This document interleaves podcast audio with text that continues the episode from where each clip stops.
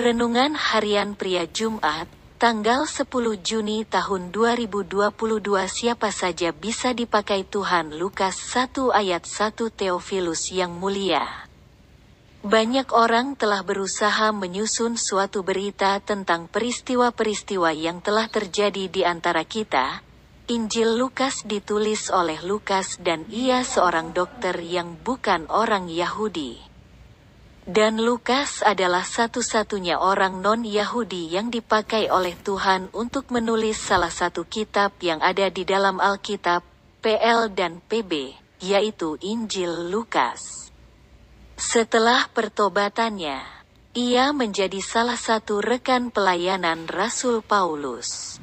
Dan dari Markus, Aristarchus, Demas dan Lukas, teman-teman sekerjaku, Filemon 1 ayat 24. Dan ia menulis Injil Lukas ini tujuan pertamanya adalah ditujukan kepada Theophilus seorang yang penting dalam kerajaan Romawi. Dan tentunya Injil Lukas ditulis untuk membuktikan bahwa Tuhan juga mengasihi orang-orang non-Yahudi. Injil Lukas ditulis dalam bahasa Yunani dengan tujuan agar banyak orang-orang non-Yahudi dapat diselamatkan. Tuhan memakai orang-orang yang pekerjaannya sebagai nelayan. Seperti Petrus dan teman-temannya, Tuhan juga memakai Matius yang dulu sebagai seorang pemungut cukai, dan Tuhan juga memakai Lukas yang pekerjaan sebagai seorang tabib atau dokter. Ini membuktikan kepada kita bahwa Tuhan mau memakai siapa saja yang mau dipakai olehnya untuk memberitakan kasih-Nya. Tuhan juga mau memakai kehidupan Anda dan saya untuk menjadi saksi-saksinya.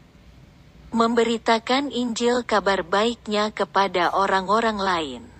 Marilah kita rindukan dan doakan setiap hari agar Tuhan memakai kehidupan kita menjadi saksi-saksinya. Refleksi diri.